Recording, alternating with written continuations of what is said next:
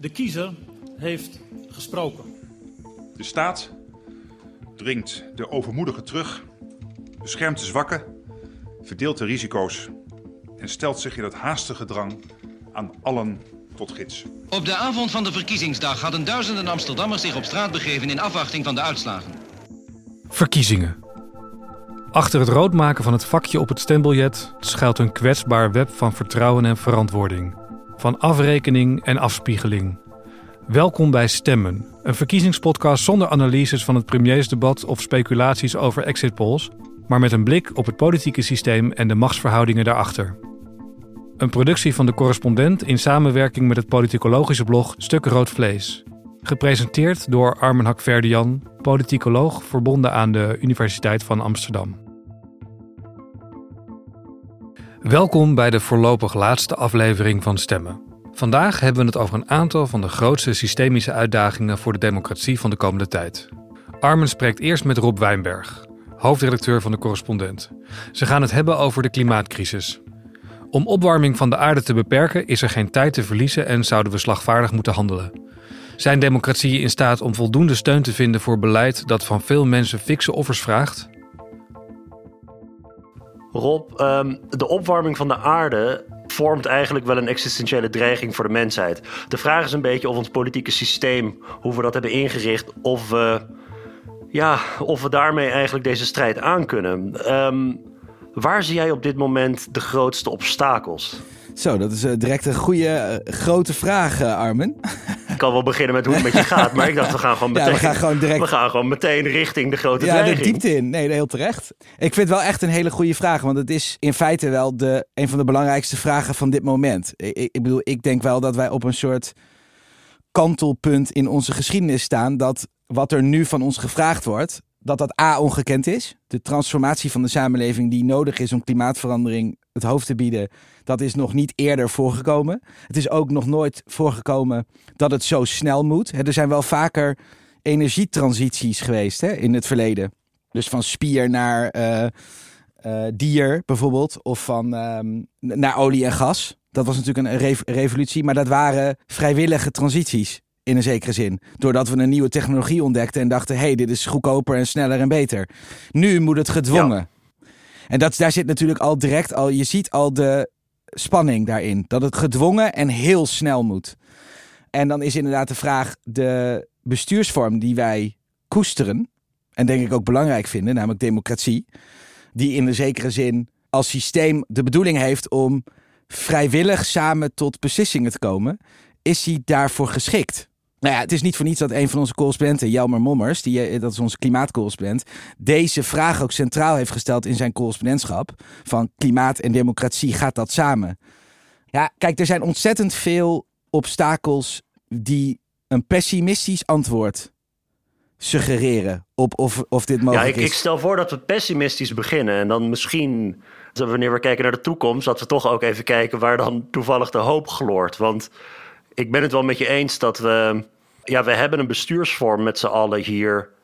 Dat noemen we democratie. Daar zit een heel verschil tussen theorie en praktijk natuurlijk. De idealen van de democratie ten opzichte van de manier waarop we het hebben gevormd. Mm -hmm. En zeker ook, en dan in Nederland per se. Maar er zijn een aantal dingen aan die, aan die klimaatuitdaging waar we voor staan. De opwarming van de aarde. Die, ja, die heel bijzonder zijn. De eerste is, zoals je net al zei. Het is gedwongen, maar ook we moeten het tij keren. Dus de, de klok tikt. Ja. We hebben niet heel veel tijd. Dus er zit heel veel druk op. En het is ook nog eens een keer grensoverschrijdend. Dus het is niet alleen maar. Stel dat we in Nederland op de een of andere manier ons zaakje op orde hadden. Ja, dit is een probleem. Dat, is dat, dat moet op globale schaal worden aangepakt. Ja. Het zijn allemaal dingen waar, waar je eigenlijk op, op eer, in eerste instantie zou zeggen. Ja, dat, hoe, hoe moeten we dat in hemelsnaam met een systeem waarbij dingen als draagvlak belangrijk zijn en, en vrijwilligheid en, en conflict en, en noem maar ja. op. Nee, het is, uh, het, dat is ongelooflijk ingewikkeld. En een van de, nou ja, ten eerste, een van de grote obstakels die je natuurlijk direct ziet, is de termijn waarop politiek is ingericht. Dus uh, hmm. uh, dit is een, aan de ene kant een heel urgent en acuut probleem.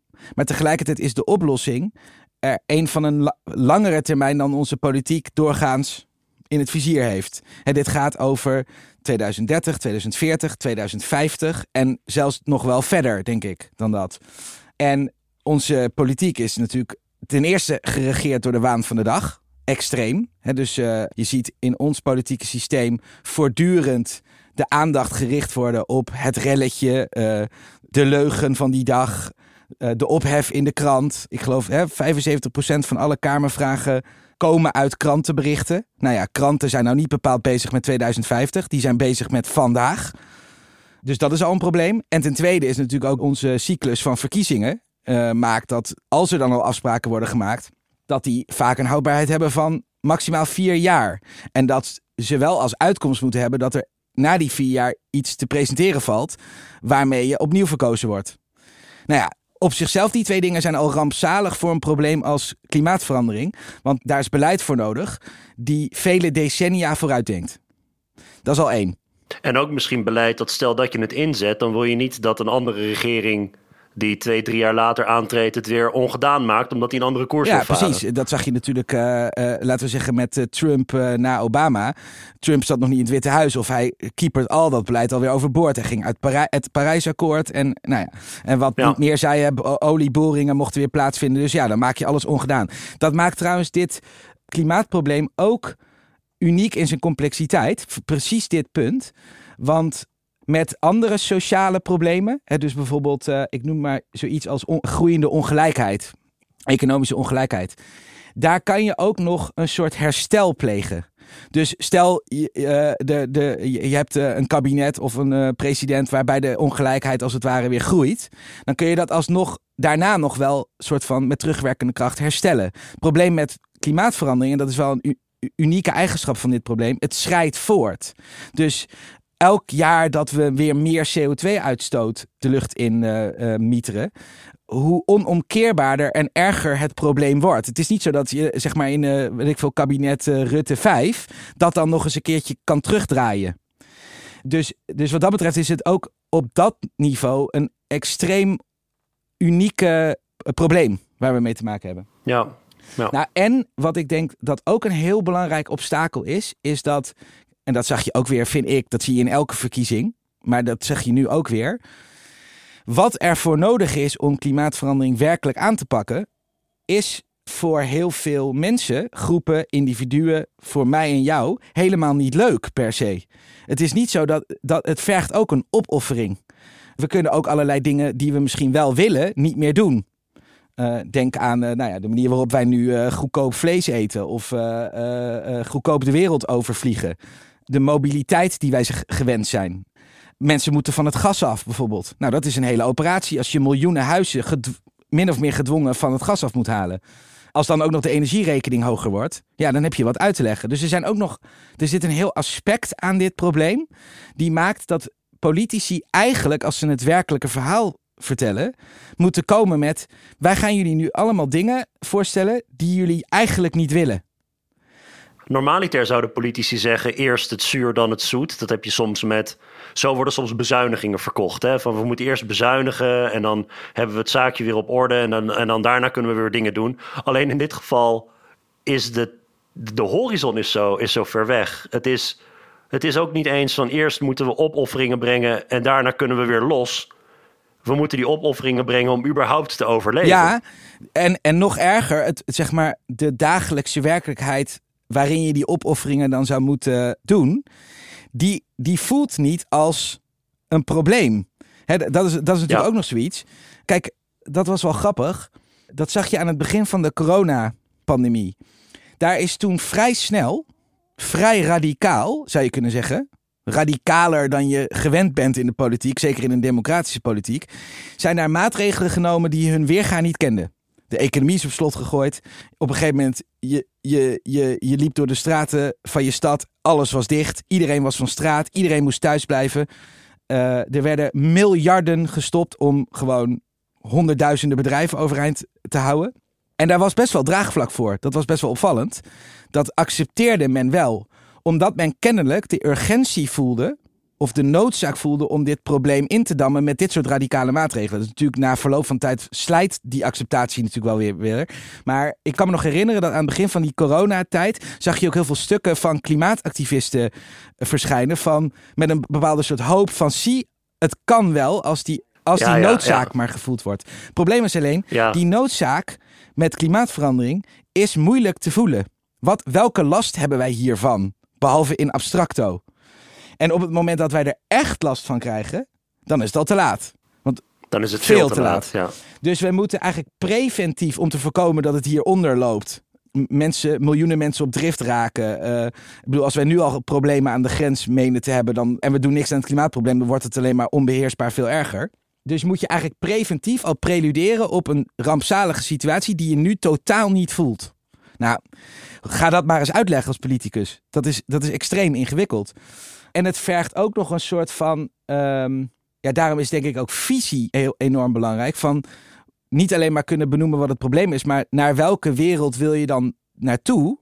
Waar je mensen dan nog een soort van in mee kunt krijgen. Dat is natuurlijk ja, iets wa- wat dat is wel vaker geconstateerd. Ik ben er nu ook ehm, eh, een paar stukken over aan het schrijven. Nog steeds zie je bij links dat een coherent verhaal daarover ontbreken.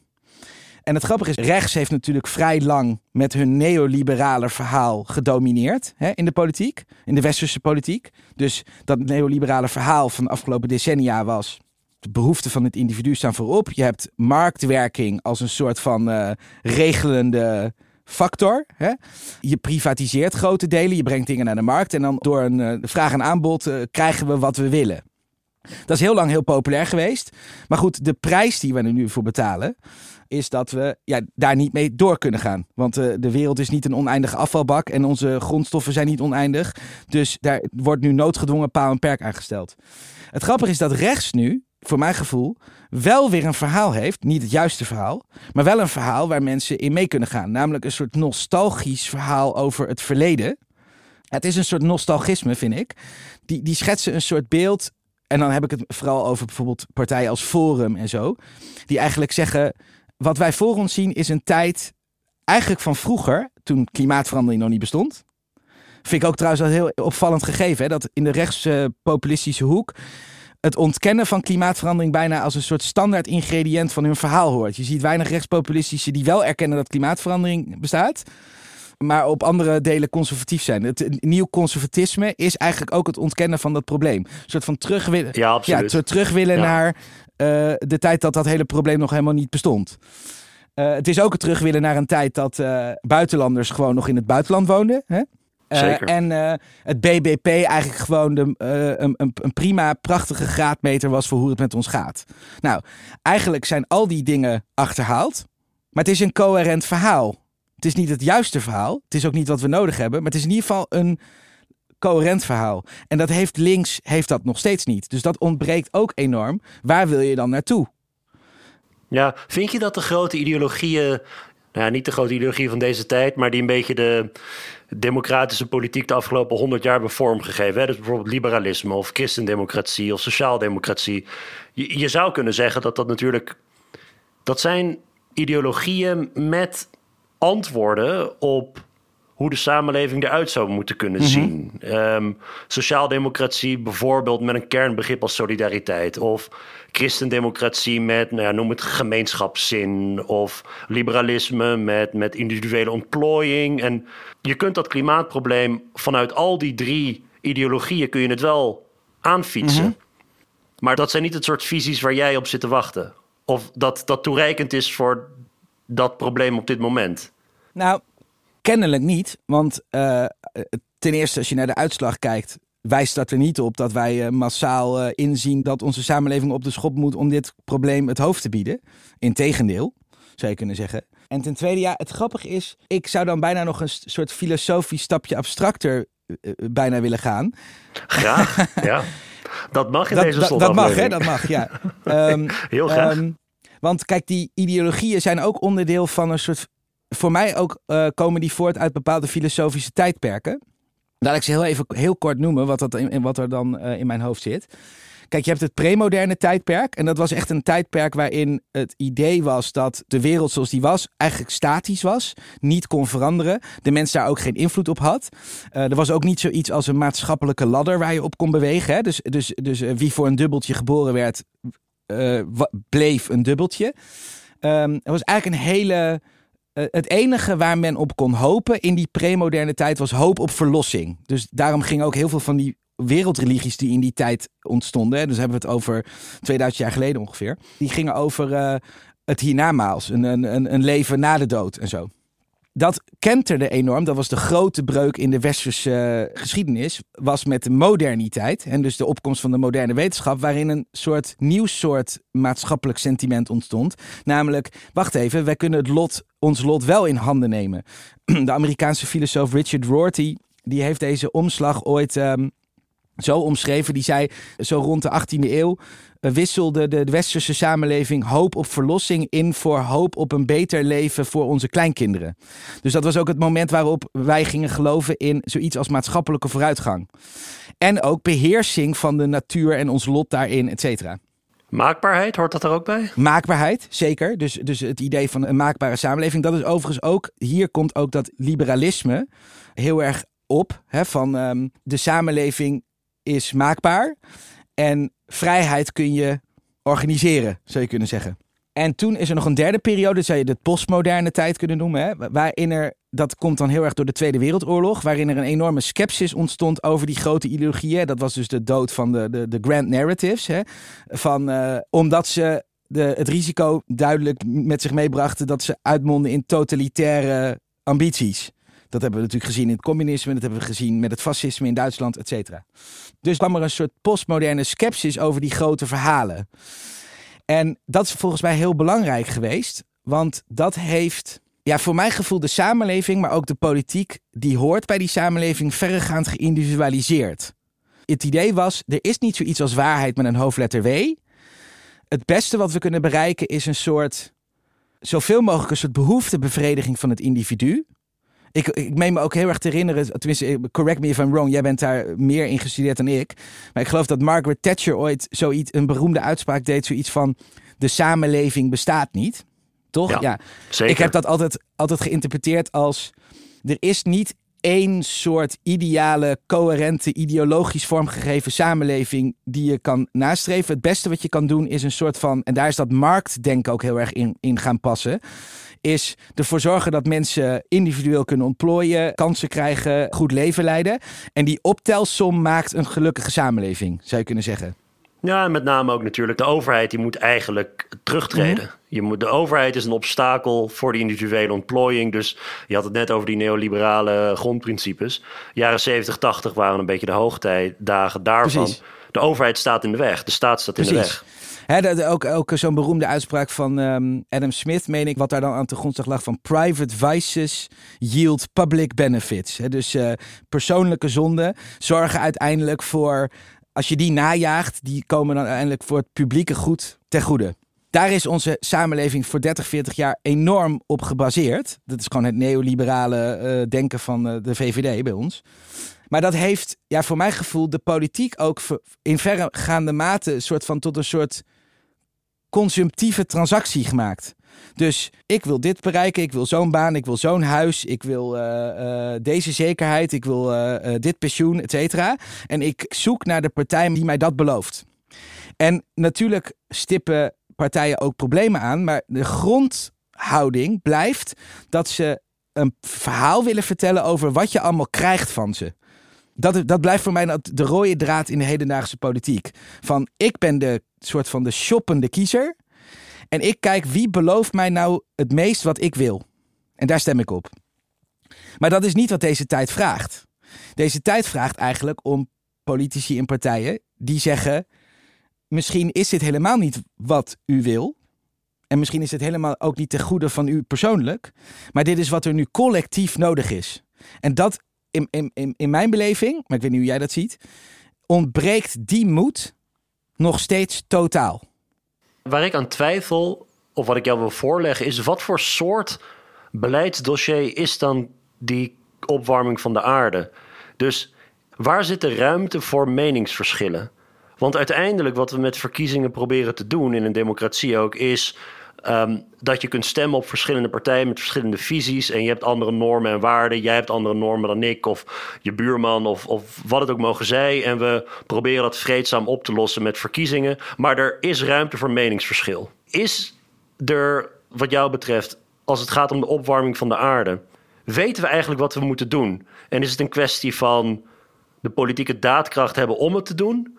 Of is er nog ruimte om bijvoorbeeld te betwijfelen of die opwarming wel plaatsvindt. Te betwijfelen wat de oorzaak is van die opwarming. Te betwijfelen hoe we die te lijf moeten gaan. Of zou je liever al deze dingen depolitiseren omdat we wel weten wat we moeten doen? Nou, dat is een goede vraag. Kijk, ik vind sowieso dat die ruimte. Ik ben wel van de school dat die ruimte er moet zijn. Want als je hem onderdrukt, dan gaat hij elders voekeren.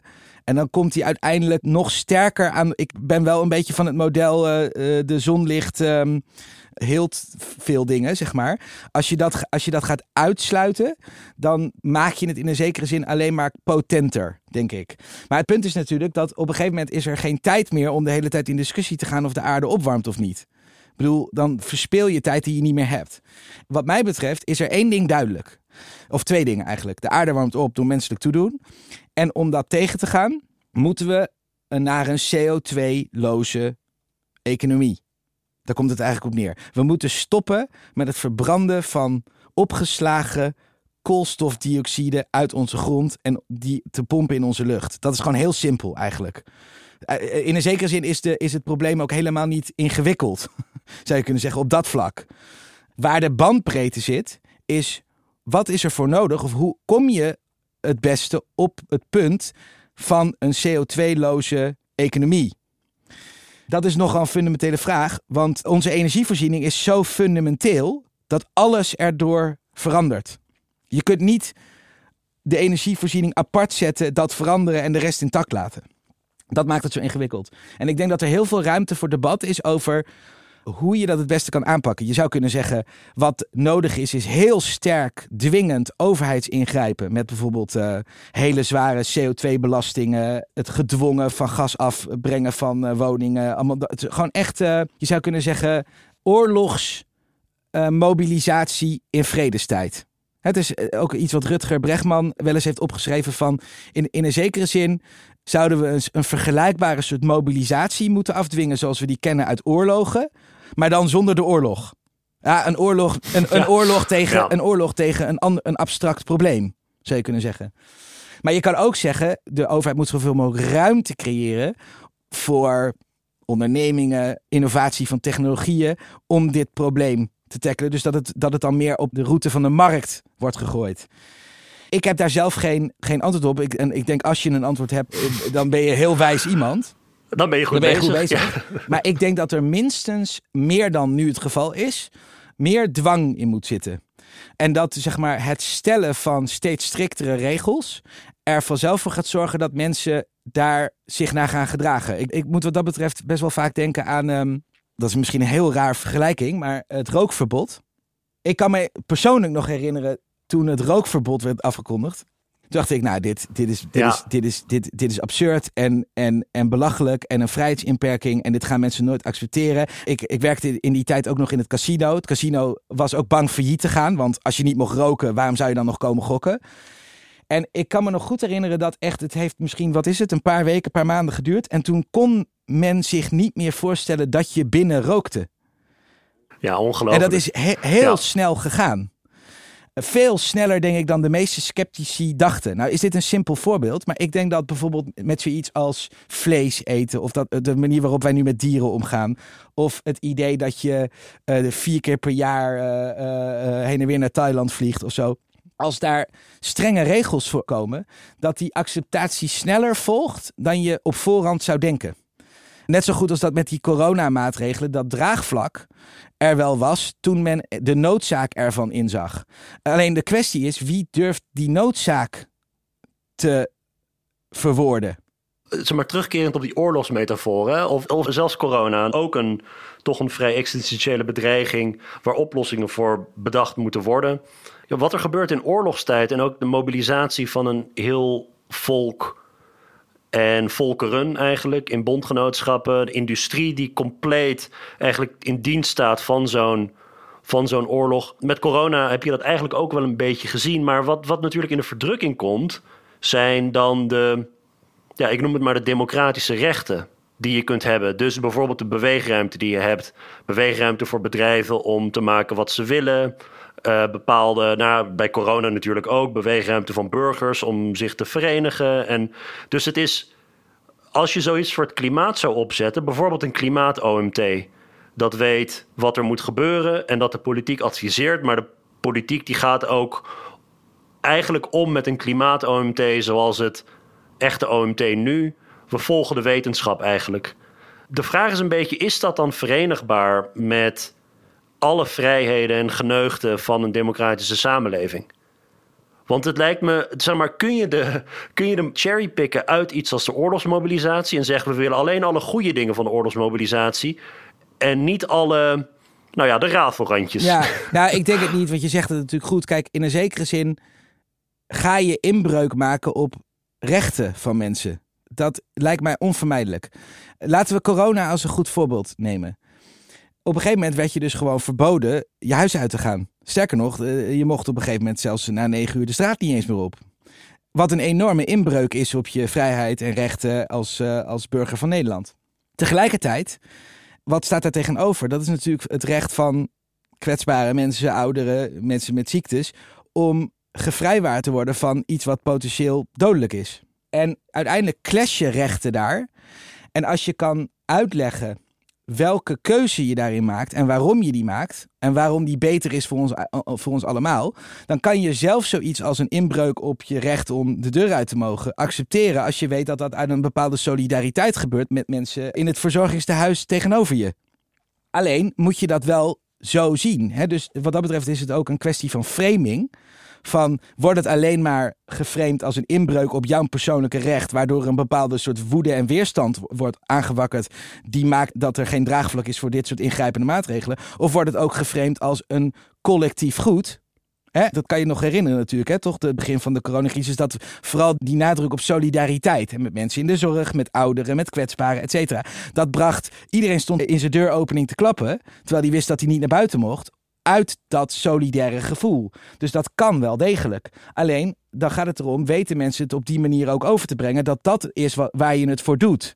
En ik moet erbij zeggen, corona was wat dat betreft wel een, goed voorbeeld van wat ik ook vaak missie gaan in de media.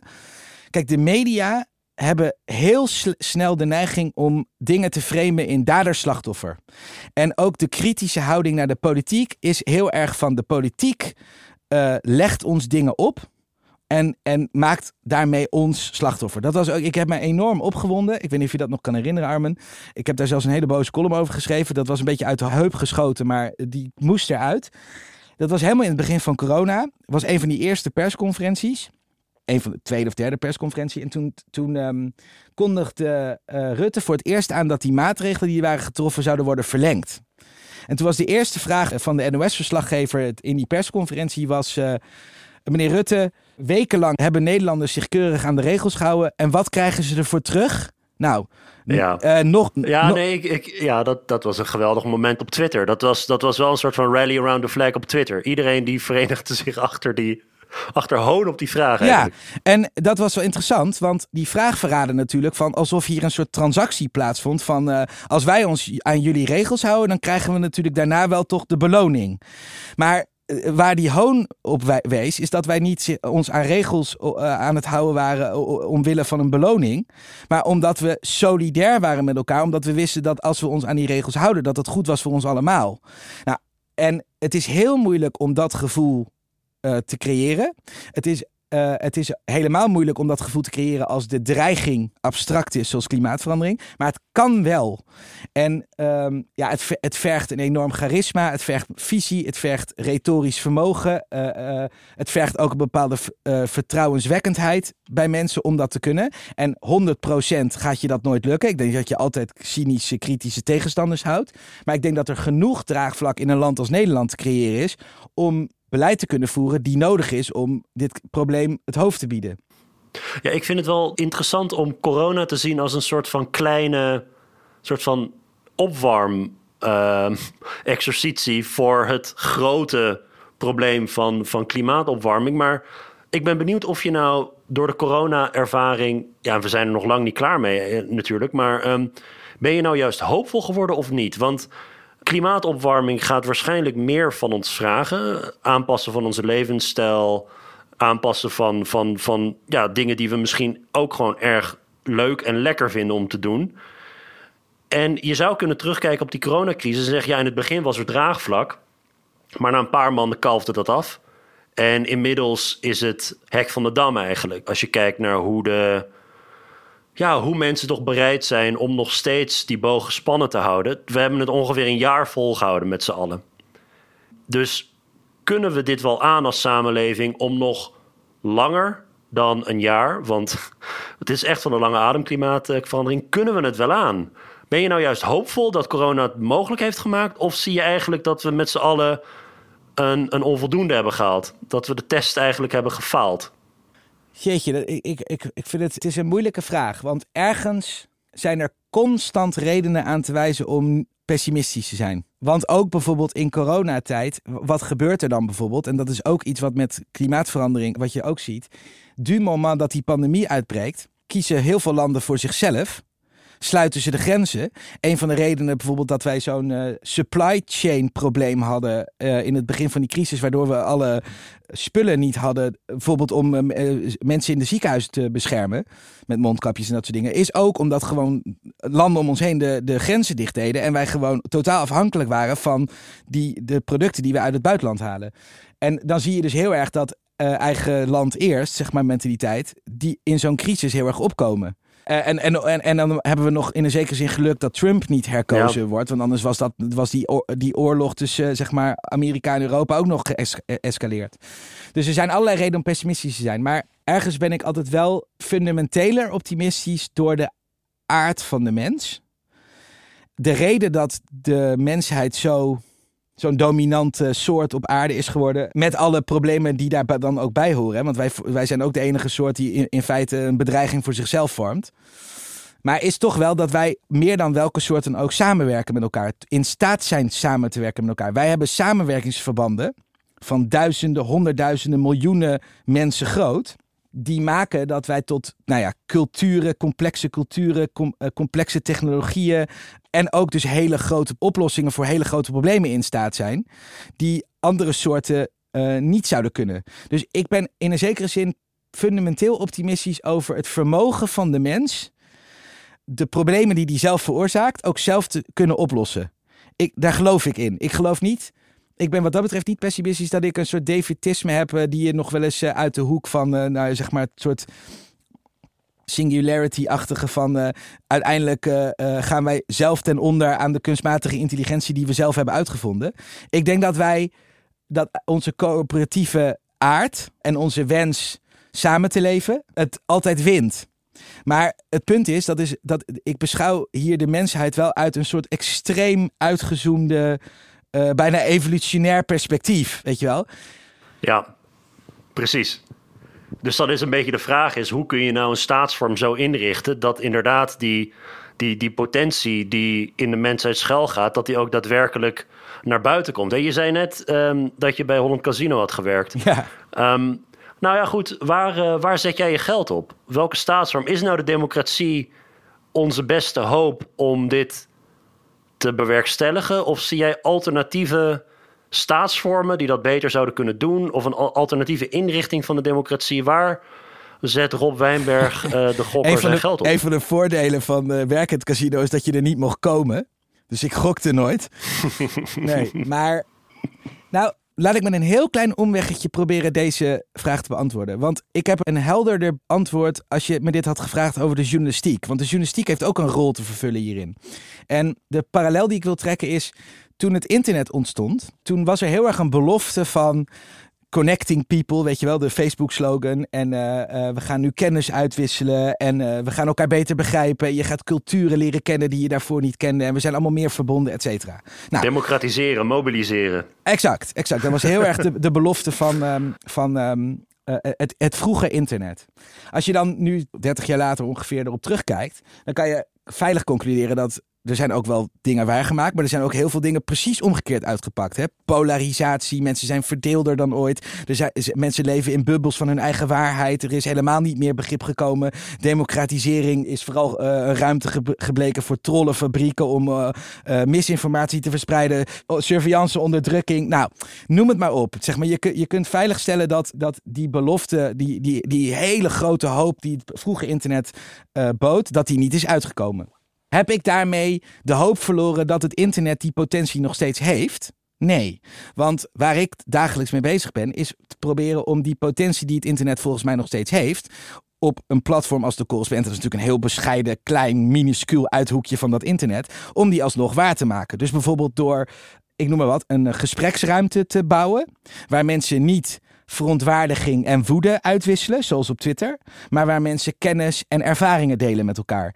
En door andere prikkels te brengen, dus niet retweet-knoppen uh, of uh, like-buttons of, of een ander businessmodel, zie je dat dat werkt. En ik geef dit voorbeeld omdat in een zekere zin bijna de vraag niet zozeer is van welk systeem neem je, maar meer welke prikkels eromheen en waartoe zet je het systeem in. Wat eigenlijk een belangrijkere vraag is. Dus, dus ik geloof nog steeds dat de democratie met al zijn tekortkomingen mits met de juiste regels, de juiste prikkels, de juiste incentives, resultaat kan opleveren die wij nu nodig hebben. Maar ik geloof ook dat datzelfde systeem met de verkeerde prikkels en, en een, zeg maar, soort journalistiek die gericht is op de verkeerde dingen en politici die om, met verkeerde belangen in de politiek zitten, et cetera, dat datzelfde systeem net zo goed een totaal omgekeerde uitwerking kan hebben. Dus wat dat betreft is die vraag naar dat politieke systeem is een beetje een soort vraag naar de technologie. Je kunt de technologie op verschillende manieren inzetten. Het gaat erom, kunnen we een bepaalde soort gedeelde urgentie creëren en een gedeelde waarheid ervaren dat we het systeem inzetten voor een algemeen belang. Wat dat betreft is het misschien wel van cruciaal belang, nog belangrijker dan de, de nuts en bolts van het systeem, is zijn we in staat een collectief gedeeld belang, een gevoeld gedeeld belang te creëren. Uh, zoals we dat in het begin van die coronacrisis ook deden. Ik denk als dat lukt, en dat heeft meer te maken met visie, charisma, retorisch vermogen, uh, mensen in een verhaal meekrijgen, dan met het systeem zelf. Dat geloof ik. En dan zou ik zeggen, dan is nog steeds de democratie het beste speelveld om dat te kunnen. Alle andere alternatieven zijn misschien effectiever zeg maar, in het soort van implementeren van uh, uh, CO2-belastingen. Maar zijn niet effectiever in het creëren van die gedeelde urgentie, denk ik. En de democratie is daar de beste vorm voor, met al zijn tekortkomingen. Wat dat betreft ben ik het ook wel met jou, maar onze klimaatcorrespondent, eens dat als je de democratie zou ontmantelen, dat zegt hij heel vaak, als je de democratie zou ontmantelen omdat dat een beter is voor het oplossen van het klimaatprobleem, dan kan je misschien wel het klimaatprobleem hebben opgelost, maar dan heb je, dan heb je de samenleving niet meer waar je hem voor hebt opgelost.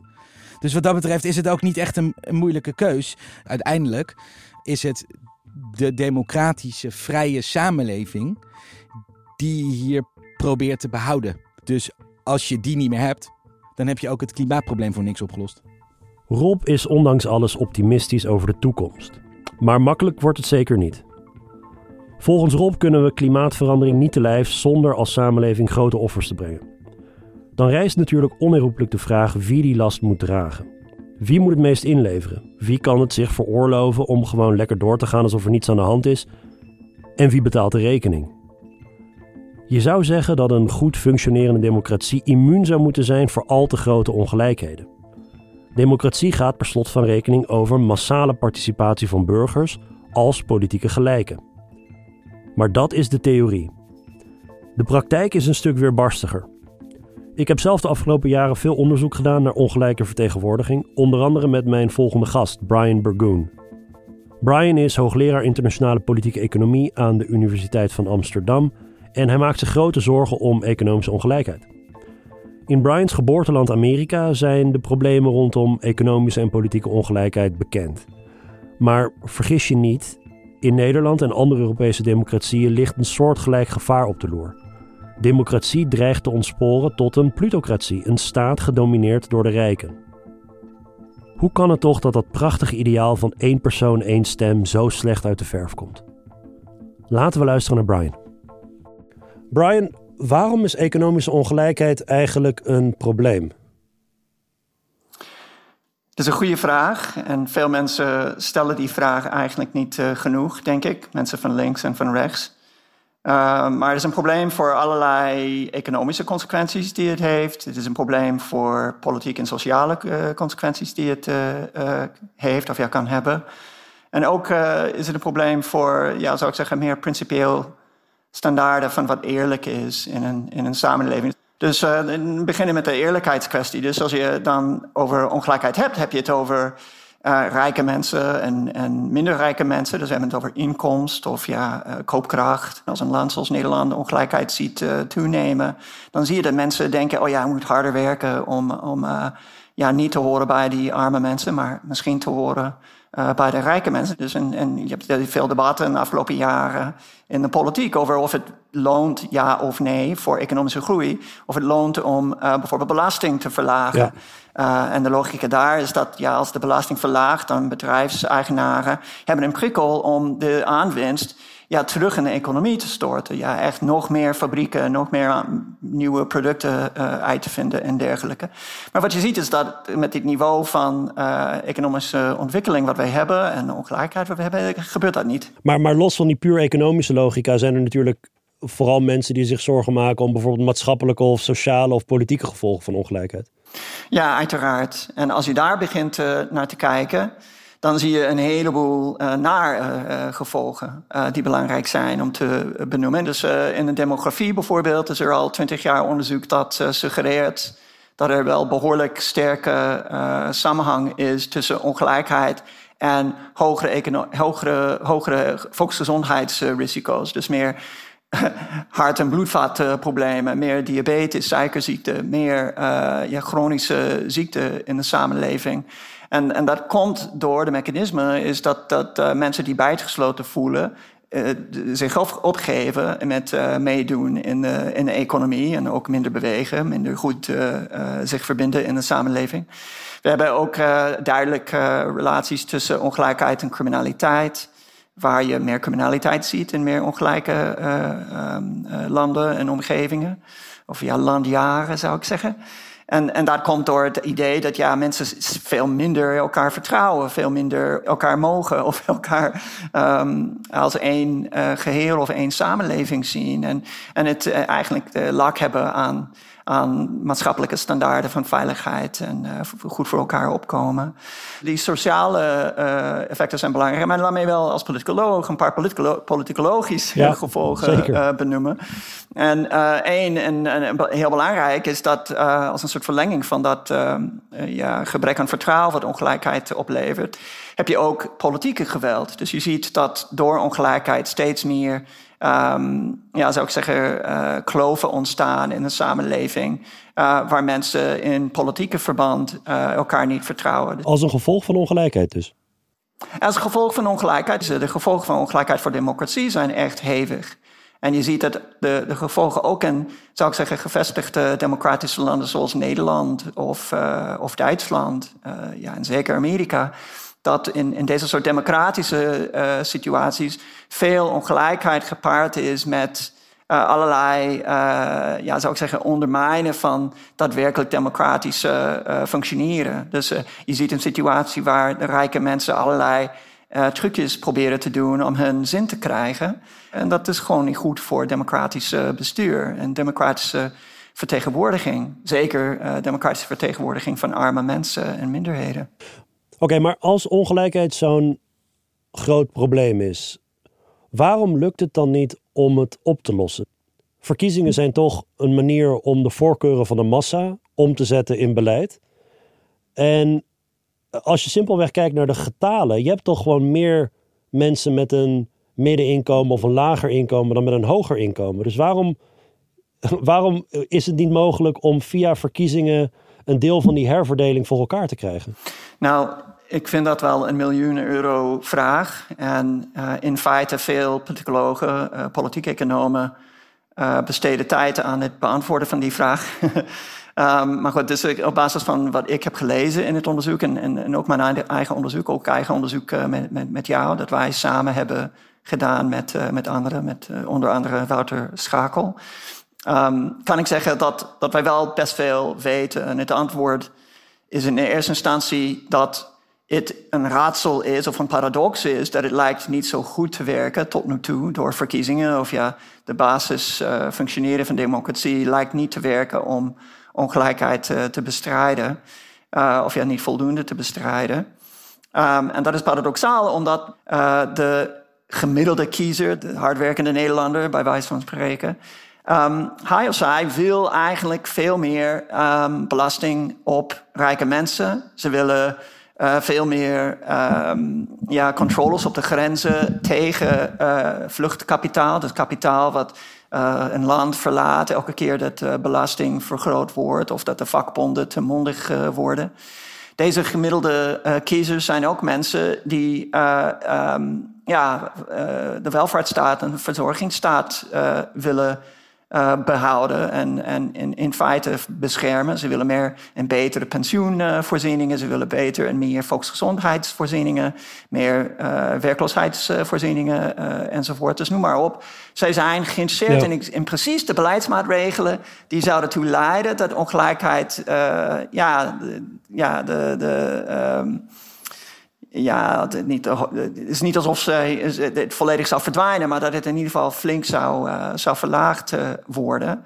Dat willen ze. En alsnog krijgen ze het niet voor elkaar om dat te bewerkstelligen. En de vraag is waarom. En hier is het antwoord. Het antwoord is dat de kwaliteit van onze democratie, het functioneren van onze democratie, is juist heel erg gebrekkig. Het is eigenlijk juist niet zo democratisch als je zou denken. En als je alleen maar kijkt naar verkiezingen, misschien lijkt het zo dat uh, ja, Nederland uh, een, een, volledig uh, goed functionerende democratie heeft. Maar tegelijkertijd, langs, deze, langs de zaaien van, van deze verkiezingen, heb je allerlei andere praktijken waar uh, de democratie niet goed uh, functioneert. En waar bijvoorbeeld rijke mensen door lobbypraktijken en netwerken en, en ja, gebruik van uh, allerlei informatievoordelen wat ze hebben over hoe dingen werken, veel meer invloed lijken te hebben, kunnen knokken voor hun belangen, veel meer dan de gemiddelde kiezer. En, en zeker veel, veel meer dan, dan arme kiezers. En dus je hebt een situatie waar dat niet goed functioneert, de democratie. Um, dus een deel van het probleem is democratie zelf is gebrekkig. Kunnen we de bal niet leggen bij kiezers en zeggen: Nou ja, je weet toch op welke partijen je moet stemmen als je wil dat we een grotere verzorgingsstaat krijgen, als je wil dat die pensioenen uitgebreid worden, als je wil dat belastingen op een andere manier worden ingericht. Maar kiezers stemmen niet en masse op die partijen. Links heeft gewoon geen meerderheid om dat om te kunnen zetten in beleid. Ligt de schuld niet bij kiezers zelf? Inderdaad um, is het zo dat je ziet dat in de afgelopen um, ehm, 40 jaar de soort onderwerpen die stemgedrag lijken te bepalen, zijn niet alleen maar, of ja, niet grotendeels, de economische zaken waar ik het eerder over had. En meer uh, ja, zaken zoals wat doe je met uh, integratie en migratie, wat doe je met het ja, beschermen van uh, burgerschap of met vrijheden, dat soort zaken. Een deel van het antwoord is ook dat linkse partijen eigenlijk onvoldoende zich ingezet hebben om de economische verhaal centraal te stellen. Um, maar goed, in ieder geval, wat je ziet is dat ook radicaal rechts en zeker radicaal links, de soort splinterpartijen wat je hebt in, in, systemen zoals die van Nederland, zie je dat deze steeds meer aandacht geven aan de, de anti-ongelijkheid agenda wat ik schetste. Mm. Ja, zou, zou je zover gaan om te zeggen dat mensen door die opkomst van die culturele onderwerpen misschien tegen hun economisch belang instemmen? Of gaat dat te ver? Nee, dat, dat gebeurt uh, soms. En, uh, en, en dat zie je in alle landen enigszins. Dus je ziet uh, het voorbeeld wat ik gaf van iemand die in, in, in een enquête laat zien dat hij of zij ja, de welvaartsstaat wil beschermen, meer belasting voor, tegen. ja, op rijke vermogens wil heffen. Um, dan tegelijkertijd zegt, ja, maar ik ben ook, ik wil ja, een, een, sterke staat, sterke leider. Ik wil ja, meer witte mensen om me heen. Of ik ben in ieder geval bang voor al te grote etnische veranderingen. Er zijn manieren om dat uit te pluizen, waar je ziet inderdaad dat deze mensen soms uh, tegen hun economische belang uh, stemmen. Maar dat gezegd hebbende, um, het, is, het, wordt zwaar overdreven in hoeverre dat zo is. Dus bijvoorbeeld in Amerika, een voorbeeld waar je denkt dat de Republikeinen steeds meer of ja, enorm veel hebben gewonnen met um, ja, witte, uh, laagopgeleide en arme kiezers uh, te winnen.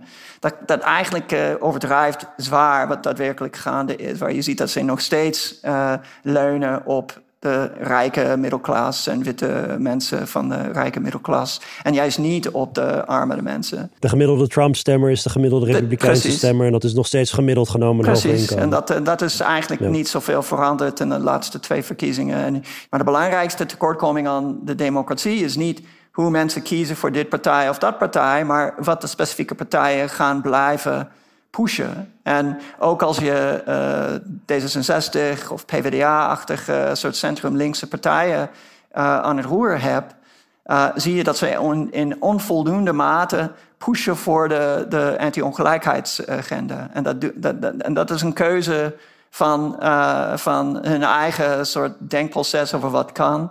En, uh, en dat is een bijeffect van de lobbypraktijken en de invloed, ja, bij, bij de proportionele uh, invloed van, van uh, rijke mensen. Ik zie een soort visueuze cirkel. Dus aan de ene kant heb je economische ongelijkheid en dat heeft politieke gevolgen. Klopt.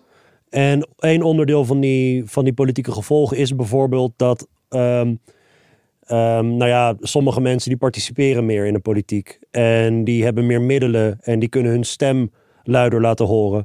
En dan wordt die, die vertegenwoordiging wordt ongelijk.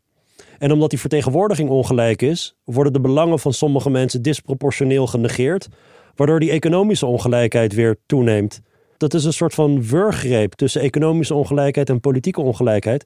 Hoe, door, hoe doorbreken we die? Is dat überhaupt mogelijk? Um, er zijn heel veel ingrepen waar je op de marge een verschil kan maken. Dus een, een beslissing om uh, ja, iets, iets moeilijker te maken om geld in de politiek te hebben. Dus iets, iets moeilijker maakt om geld te geven direct vanuit een bedrijf aan een kandidaat of aan een partij.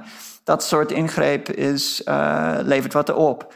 Um, maatregelen die stemgedrag veranderen en, en bijvoorbeeld stemopkomst uh, verbeteren, is heel belangrijk. Het, het, voorzien van informatie letterlijk kan een verschil maken. Letterlijk het, het, beter verspreiden en verfijnen van ja, internetinstrumenten rondom verkiezingen, zoals Stemwijzer of uh, Kieskompas, dat soort zaken. Als je dat beter doet, dan heeft dat een, een um, ja, informatievoorzienend effect, uh, waardoor mensen steeds meer zien, oh, heeft de partij dat echt gezegd? Of doet de partij dat? Dus deze soort informatievoorziening kan wel de kwaliteit van democratie uh, verbeteren. Er zijn heel veel ingrepen die, die mogelijk zijn uh, binnen ons systeem om een verschil te maken. Een ander voorbeeld is welke groepen zijn gemobiliseerd en uh, ja, maakt deel uit van politieke discussies en politieke lobbypraktijken in, in, in een systeem. En het, het daadwerkelijk mobiliseren van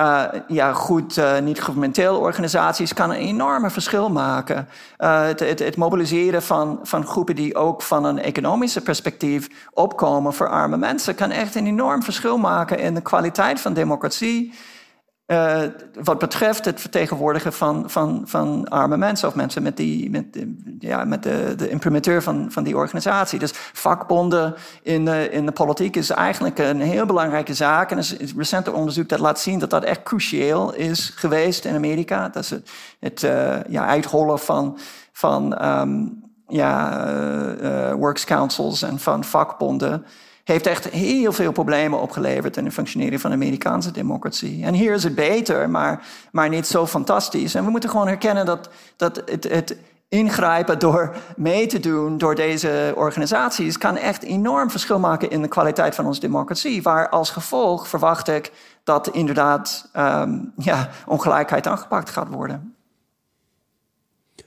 Misschien tot slot, is er een alternatieve staatsvorm denkbaar waarin dit soort grote economische ongelijkheden beter op te lossen zijn. Is er een denkbaar systeem waarin dit uh, beter aangepakt zou kunnen worden? Of moeten we het gewoon doen met deze imperfecte democratie die we hebben? Is dit het hoogst haalbare? Ja, het is, uh, het is een mooie vraag. En in, in alle eerlijkheid uh, kennen wij het antwoord niet goed op, omdat de onderzoek wat wij hebben richt zich op uh, heel grove categorieën van bestuurssystemen. Dus democratieën versus meer autoritair systemen. En, en dat is een probleem omdat in de laatste 10, 15 jaar zie je allerlei ingewikkelde gradaties van uh, autoritair bestuur, democratisch bestuur. Maar mijn uh, kort door de bocht antwoord is nee. Democratie is de beste wat wij kunnen bedenken. En de reden waarom is vrij simpel. Um, vrijwel alle alternatieven uh, um, van democratie zijn bestuurlijke vormen waar privileges uh, ja, stabieler gesteld worden, beschermd worden. Of van een staatsbestuur en een soort intellectueel uh, soort bestuur van een partij. Of de, de, de, de, de rijke landhouders, ja, de adel van een bepaalde land. Uh, of ja, misschien een militair soort elite of een economische elite, plutocratisch soort uh, economisch systeem. En hoe je het went of keert, als deze mensen stelselmatig meer aan de maag zijn, zullen ze echt alles doen om te voorkomen dat hun privileges uh, weggepakt worden. En dat is precies waar het om gaat wanneer we praten over ongelijkheid. Dus de grote redding van ongelijkheid is bestuur waar inderdaad de, de, de, de haves en have-nots allebei kunnen meedoen in de politiek. En dat de have-nots wel een, een, een gehoor krijgen en een verandering kunnen bewerkstelligen.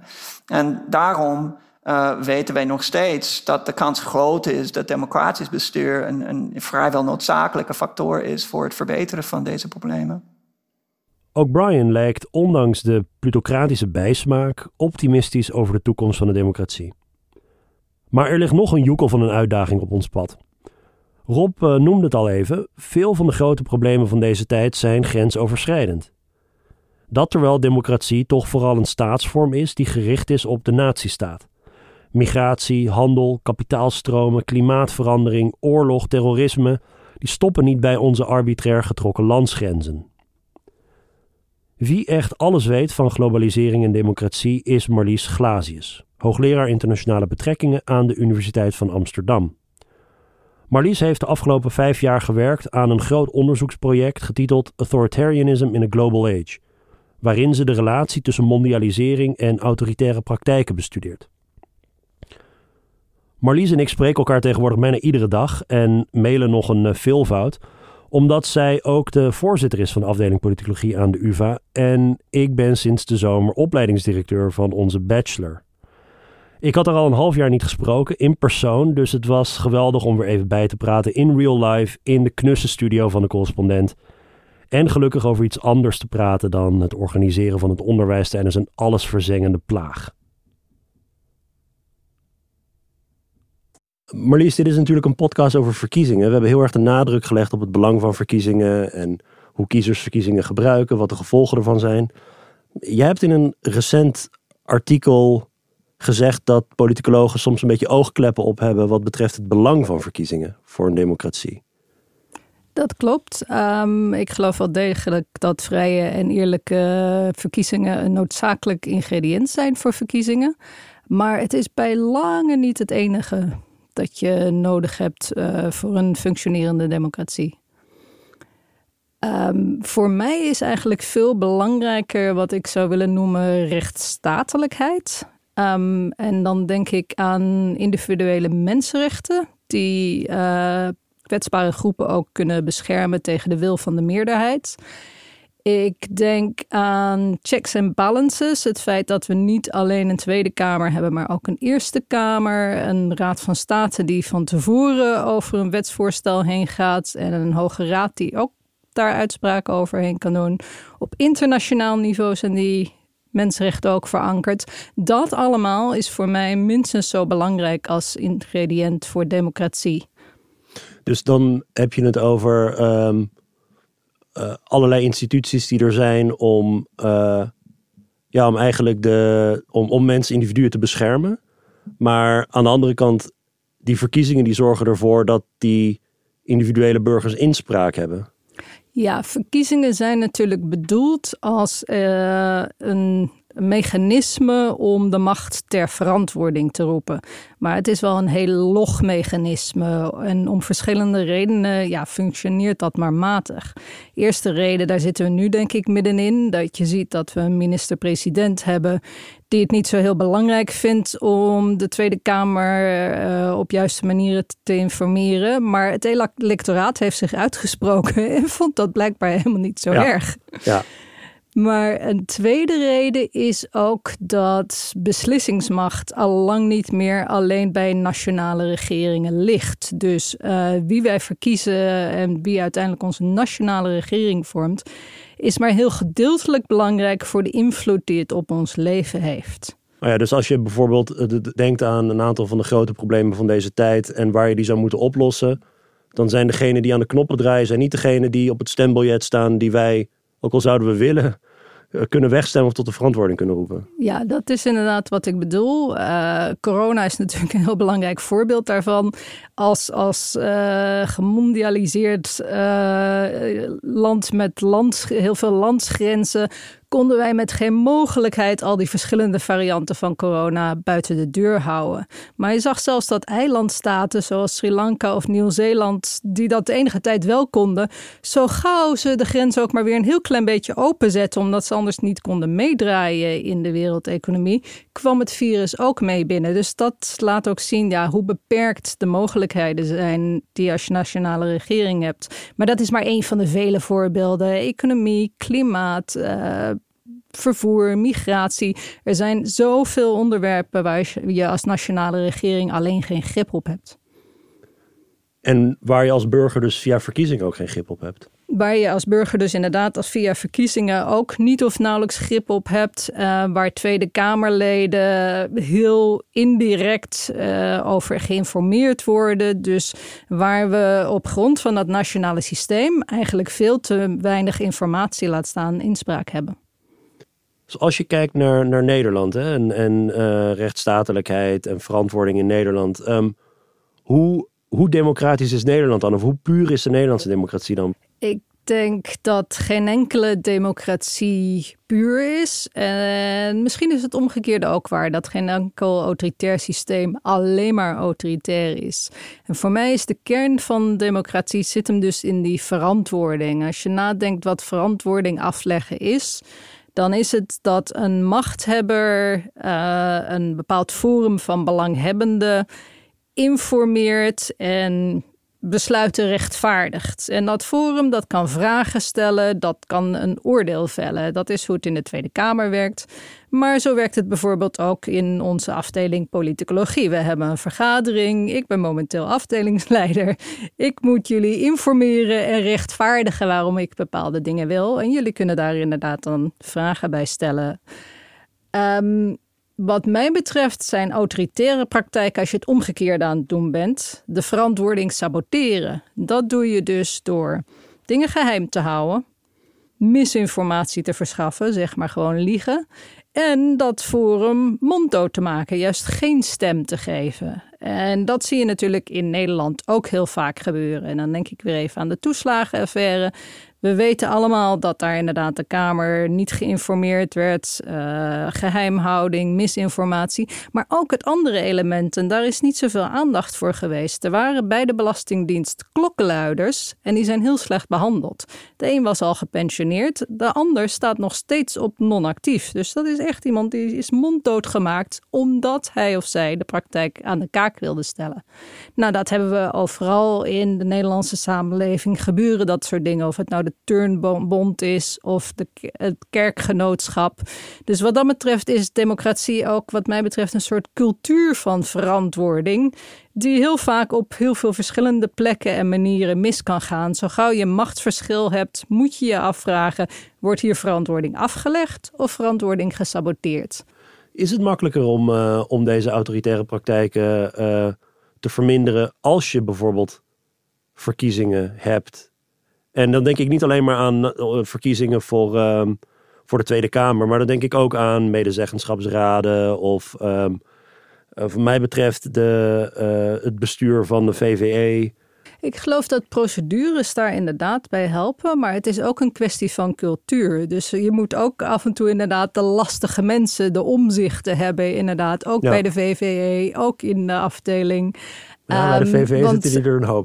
de ondernemingsraad kan ook heel erg tam zijn als, ja, en ingekapseld worden. Dus uh, het is zowel een kwestie van, van procedureel regelen als inderdaad van, van de cultuur. Van uh, je hebt recht om informatie op te vragen en kritiek te leveren. Neem dat recht. Maar op de, als je dus die, um, de, je, je, je blik richt op autoritaire praktijken en als een vorm van verantwoording saboteren, dan zie je ze eigenlijk overal om je heen als je erop let. Ja, ik heb inderdaad, als ik de krant lees en dan inderdaad lees wat de, de Koninklijke Gymnastiekbond inderdaad in het verleden met tienermeisjes in het turnen heeft gedaan, gaat er bij mij inderdaad meteen een belletje, oh, autoritaire praktijken. En toen ik las uh, hoe het in die notulen van de ministerraad toeging, waar inderdaad reputatie veel belangrijker bleek te zijn dan het proberen te herstellen van het oorspronkelijke onrecht, ging bij mij meteen een belletje rinkelen. Oh, dat was ook wat er in de katholieke kerk gebeurde toen duidelijk werd dat er veel misstanden met uh, seksueel misbruik van kinderen waren. Ook daar zag je dat de conversaties altijd maar over reputatie gingen en veel minder over het herstellen van het probleem. Dus de, een aantal van die grensoverschrijdende uh, problemen waar we voor staan, ja, migratie en, en allerlei economische vormen van globalisering, klimaatontwikkeling, um, die, die vereisen eigenlijk, je zou kunnen zeggen, die vereisen een supranationale instantie zoals de EU, waar je misschien wel weer aan verkiezingen kunt denken maar dat is misschien heel beperkt of heel troebel. Nou ja, dat is inderdaad heel beperkt. We weten dat de Europese Unie echt worstelt met een democratisch tekort. Ja. En ik denk dat een deel van de reden dat Brexit is gebeurd, inderdaad het gevoel is bij die Britse burgers, nou ja, dat ze de controle kwijtraakten. Ja. Maar of ze daar nu meer controle van hebben teruggekregen, dat is natuurlijk maar ten zeerste de vraag. Er zijn ook andere mechanismen Ehm, om op transnationaal niveau, niet alleen Europees, maar ook wereldwijd, te proberen toch een soort controlering van de macht uit te voeren. Los van verkiezingen dus eigenlijk. Ja, dan denk ik inderdaad uh, aan uh, civil society organisaties uh, die leden hebben, die donateurs hebben en daardoor expertise ja, in dienst hebben. En vaak heel dicht op internationale onderhandelingen zitten en daar veel beter van op de hoogte zijn dan burgers of Kamerleden. Hoe gaat dat concreet?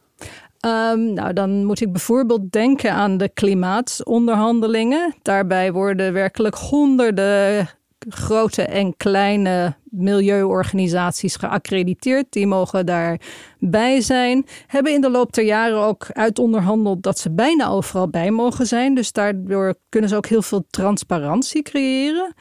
En ze zijn ook wel goed, is ook een element van democratie, in het ja, meer delibererend maken van die onderhandelingen. Zodat het iets minder een zero-sum game is en ze steeds toch wel ja, het morele werelddoel aan de wereldleiders voor ogen houden. Dus die elementen van democratie, transparantie, deliberatie, expertise, die weten die civil society organisaties ook wel in te brengen. Maar het vertegenwoordigende element, ja, dat is heel problematisch bij NGO's. Maar, want zitten zij er dan namens een achterban? Dus ik kan me voorstellen dat je uh, belangenorganisaties hebt die een heel duidelijk afgekaderde achterban hebben. Maar, maar hoe zorg je ervoor dat dan bepaalde van die belangenorganisaties niet te veel macht hebben op dat besluitvormingsproces? Wie, aan wie leggen zij verantwoording af? Nou, dat is inderdaad, het issue is niet zozeer te veel macht. Uh, eh, NGO's hebben, zeker bij dit soort onderhandelingen, zelden te veel macht. Maar de vraag is inderdaad, wie controleert de controleurs? En bij grote organisaties als Amnesty of Greenpeace is dat allemaal keurig geregeld. Maar ik zal een ander voorbeeld geven van totaal ongecontroleerde civil society. Um, dat uh, is een van onze PhD-studenten geweest. En dat was iemand die ontzettend veel verstand had van de technische kant van het internet. En die is in eerste instantie via een organisatie, Article 19, bij allerlei onderhandelingen, echt binnenskamers onderhandelingen terechtgekomen over internetinfrastructuur. En omdat hij die expertise had, mocht hij overal bij zijn en meepraten. En zijn agenda was uh, privacy, mensenrechten, transparantie. Maar hij zit daar in zijn eentje en vertegenwoordigt eigenlijk uh, niet op een of andere procedurele manier enige vorm van achterban. En dat is ook civil society. En dat kan ook hele nuttige functies hebben. Maar vertegenwoordiging zoals wij dat kennen, dat is het natuurlijk niet. Zie je het eerder als een aanvulling op wat er kan gebeuren binnen de meer gangbare verkiezingspaden? Ja, het is veel beter dan niets. Ja. En het is het enige wat we op internationaal niveau hebben. Dus we moeten het ermee doen. Maar het heeft inderdaad grote beperkingen.